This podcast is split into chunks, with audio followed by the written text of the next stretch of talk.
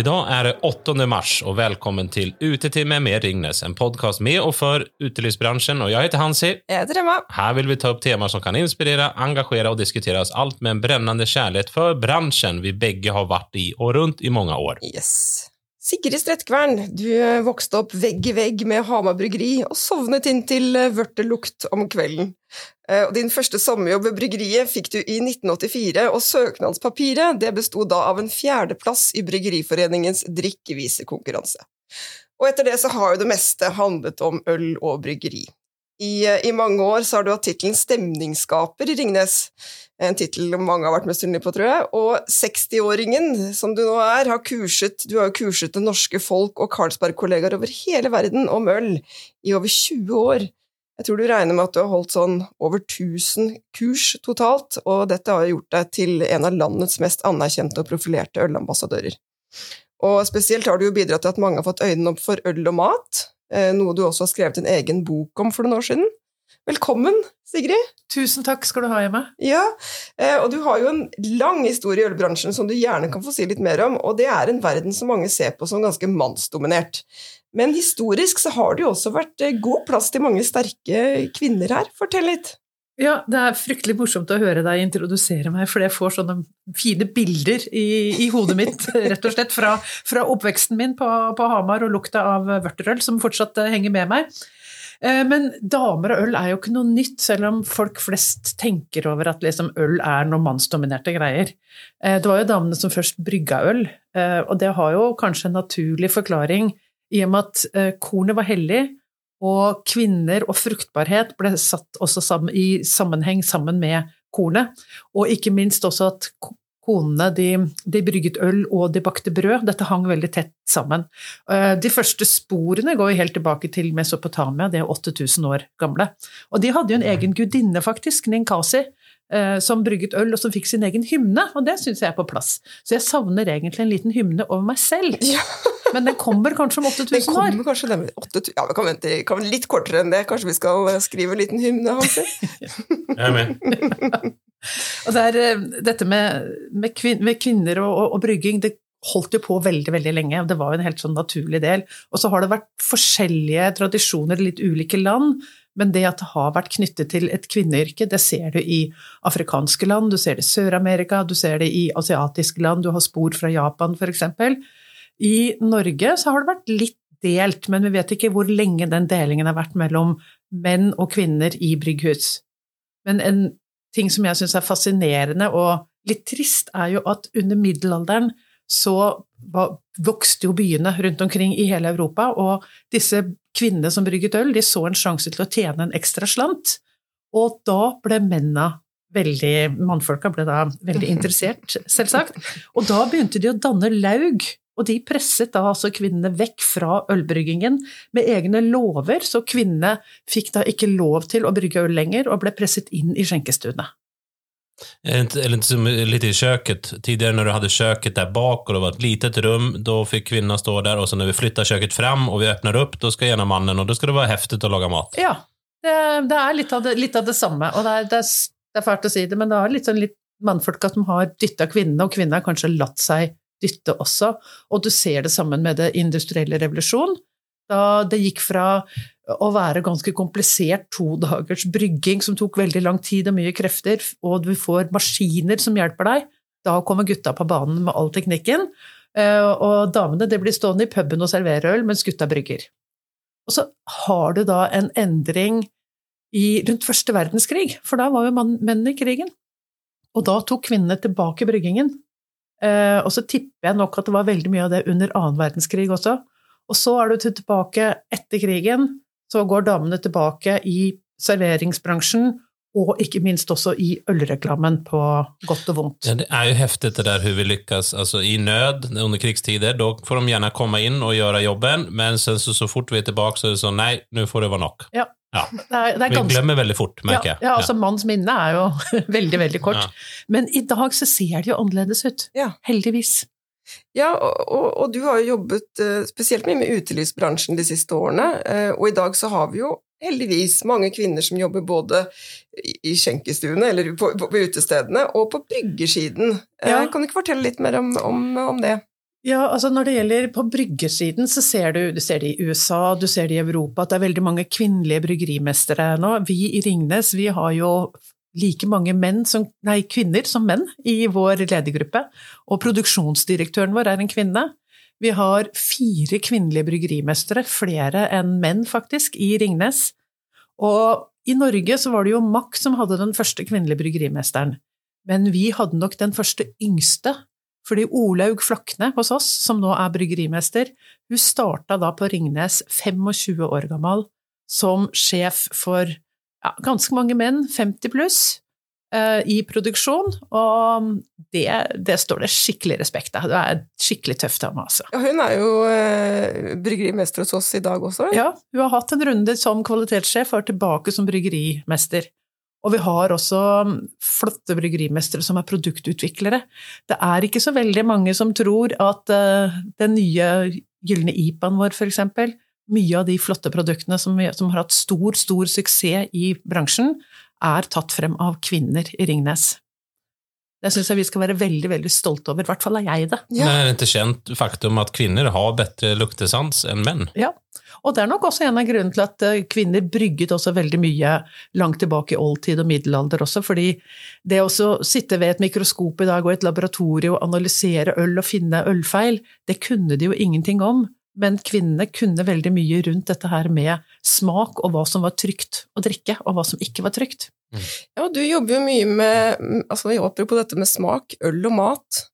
Eh, du har jo utdannet mange ølsommelierer på, på, restauranter og serveringssteder eh, rundt omkring i Norge og, og, og i verden. Eh, kvinner i, kvinnelige ølsommelierer, er det mange av dem nå? Det er mange av dem, og det er minst like mange som menn. Jeg tror kanskje jeg har en overvekt av kvinner av det som har vært interessert i å utdanne seg til ølsommelierer. Og vi har jo fantastiske folk i, i bransjen. og eh, det er ikke alle ølsommelierene jeg har utdannet, flere av dem har også utdannelse fra, fra, England eller fra andre, men sånn som Linda Skogholt er virkelig verdt å nevne, for det er ei dame med skikkelig gode smaksløker og eh, ve veldig god forståelse også for bransjen. Mm. Men så har du jo også flotte folk som eh, har jobbet i bransjen ellers. Eh, du har Liv på Hognabrygg, du har Ann Margrit hos Kinn. Eh, du har Tone Krüger, som dessverre gir seg hos Færder eh, nå. Inga, som brygget for Aya. Ehm, og så syns jeg at Hege Ramseng i Bryggeriforeningen kanskje fortjener en stor, stor kred, og hun blir så fort glemt. Men er det noen som har trukket frem kvinner i ølbransjen gjennom de siste årene, så er det Hege. Hvordan har hun gjort det? Du, hun har hatt en, en del arrangementer som hun kaller Damer og øl. Eh, og som handler om at det fins jo ikke noe som heter dameøl, og dessverre så er det noen som mener at damer ikke drikker øl. Og dette her ønsker Hege å motbevise, og det er kjempemorsomt å være med på, fordi da får du en kveld med tre forskjellige bryggerier, hvor tre forskjellige kvinner fra disse bryggeriene presenterer sine øl, sine øl- og matfavoritter, og du får smake ting du Og kombinasjoner du kanskje aldri har gjort før, da. Og det å introdusere damer til øl, for det finnes jo dessverre fortsatt en del som mener at nei, jeg liker ikke øl. Og da sier både Hege og jeg at du har ikke smakt det riktige ølet, eller den riktige kombinasjonen, fordi mm. øl kan forandre mat, og mat kan forandre øl, og hele smaksopplevelsen. Men det handler om å bare være litt åpen, mm. rett og slett. Men jeg tror vi tåler å høre det en gang til. Du sier at det, det fins det dameøl, eller fins det ikke dameøl? Det finnes ikke dameøl. Og det er det dummeste benevnelsen jeg veit om, er å kalle noe for damøl. Fordi jenter, vi drikker IPA, vi drikker stout, vi drikker surøl, og surøl er jo for veldig mange en introduksjon til ølverden også, som kan være en brobygger fra vin og sider og inn til øl. Ja, du mener altså at folk er folk, og man kan tykke om hva man vil uansett kjønn? Absolutt. Ah, okay. ja, Absolutt. Men det var bra, jeg vil bare sjekke. øl har ikke noe med kjønn å gjøre, selv om jeg vokste jo opp i en tid hvor øl og brune skinnvester var liksom bortimot synonymt, og gjerne en bart i tillegg. Og den gangen så hadde jo også reklamene fra Bryggeriforeningen f.eks. var jo veldig mye mannfolk med halvlangt hår og mustasje og, og, brune vester. Eh, og du nevnte drikkevisekonkurransen, Emma. Jeg var jo den eneste jenta på den lanseringsfesten, ja. for å si det sånn. så verden har forandra seg veldig. Ja. Jeg, spurte, jeg, var, jeg, kom, jeg, var, i kontakt med Teknisk museum og spurte dem om, om bilder fra bryggeribransjen før i tiden. Eh, de kunne finne to bilder. Ja. Det er merkelige greier. Altså. Skal jeg da også tippe at de bildene var enten fra tapperiet eller fra vaskeriet, hvor de vasket flasker og satte på etiketter? Det var faktisk ett også fra Frynlund der de var inne på laben. Så det, det var, men de andre var presis. Det Ja. tapperi. Ikke sant? Men det er jo så morsomt når du ser da bilder fra første verdenskrig igjen, hvor damer som triller svære tretunder med øl og liksom, De tar et tak, altså. Og er- du ser jo det rundt omkring i USA. De har masse nå kvinnelige bryggerimestere. Bedoiser har kvinnelig bryggerimester. Du finner det nedover i Europa, mye av det i Belgia, og også på surølbryggeriene. Og som sagt, her i Norge også, så er det jo eh, Jeg tror der vi har færrest kvinner i dag, er faktisk i hjemmebryggermiljøet. Der har du noen. Eh, mest kjent er vel Unni Irmlin Kvam, som er en knallgod kvinnelig brygger. Men der har vi nok en vei å gå fortsatt. Mm. Så det du sier er, for det var vel litt som med spelindustrien, at, at det var gjerne Foreldrene kjøpte spelen til guttene bare, og derfor ble det mindre dameprogrammerere. Du, men det du sier her er at har du et bryggesett hjemme, du har ungdommer, ta med jentene også, og brygge med dine unge jenter. Jeg er helt, helt enig. Og sørg for at du tar med alle inn på kjøkkenet. Mm. Eh, både guttene og jentene, og at de får lov til å leke med smaker. Ja. Det tror jeg er det aller viktigste måten å rekruttere på også, inn til bransjen, er jo å skape en interesse for smak. Ikke bare at dette her skal være en jobb hvor du tjener penger, men det er en kjempemorsom bransje hvis du syns smak er morsomt. Og særlig det å kombinere øl og mat, for eksempel. Og jeg skulle jo veldig gjerne hatt flere sidestilte menyer hvor ølmeny kunne være sidestilt en vinmeny ute i bransjen. Jeg savner det veldig. Mm. Så i dag er 8. mars. Hvordan skal ni feire den, denne dagen dam, bryggeridamene? Åh, vi skal feire med øl og mat. Eh, det blir nok en litt sånn forskjellige småretter med, og, og mange forskjellige ølsmaker. Og jeg er jo veldig begeistra for øl og ost, og det er en kjempefin måte å feire 8. mars på, er å plukke til gode oster og sette, sette sammen med forskjellige øl, rett og slett. Hvordan er det å være kvinne i ølbransjen i dag? I dag er det bare morsomt. Ja. Men eh, for 20 år siden, da, da jeg begynte enda mer med kursvirksomheten min, så var det jo veldig mange som hele tiden skulle sette meg fast, eh, og som skulle arrestere meg og vise at de kunne mye mer enn dem, og dette var jo menn som elsket å prøve å, å sette meg på, på plass. Mm. Så de klarte det ikke, gitt. De gjorde ikke det. Nei. Men det har vært en, en kjempespennende reise. En veldig morsom reise også å se alle de der flotte jentene som er i bransjen nå. Og det er ikke bare brygging, men du har det på, som jeg sa, på produktutvikling, du har, et, har overalt, og særlig innenfor markedsføring også, er det veldig, veldig mye superdyktige damer. Mm. Hvordan tror du det ser ut da om eh, 10 år? 20 år?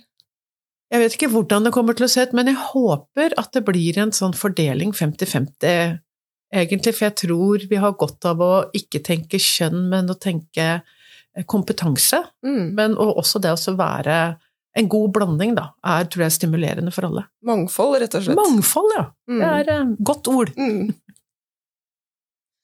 Ja, eh, vi, vi er jo superstolte av alle de eh, flotte, sterke kvinnene vi har eh, i Ringnes, som er med på å, å dra ølreisen videre for, eh, for mange. Tusen takk, eh, Sigrid, for at du kom, og ha en fantastisk eh, feiring. Tusen takk for meg, og god feiring til alle flotte, dyktige, fremoverlente damer der ute. Yes!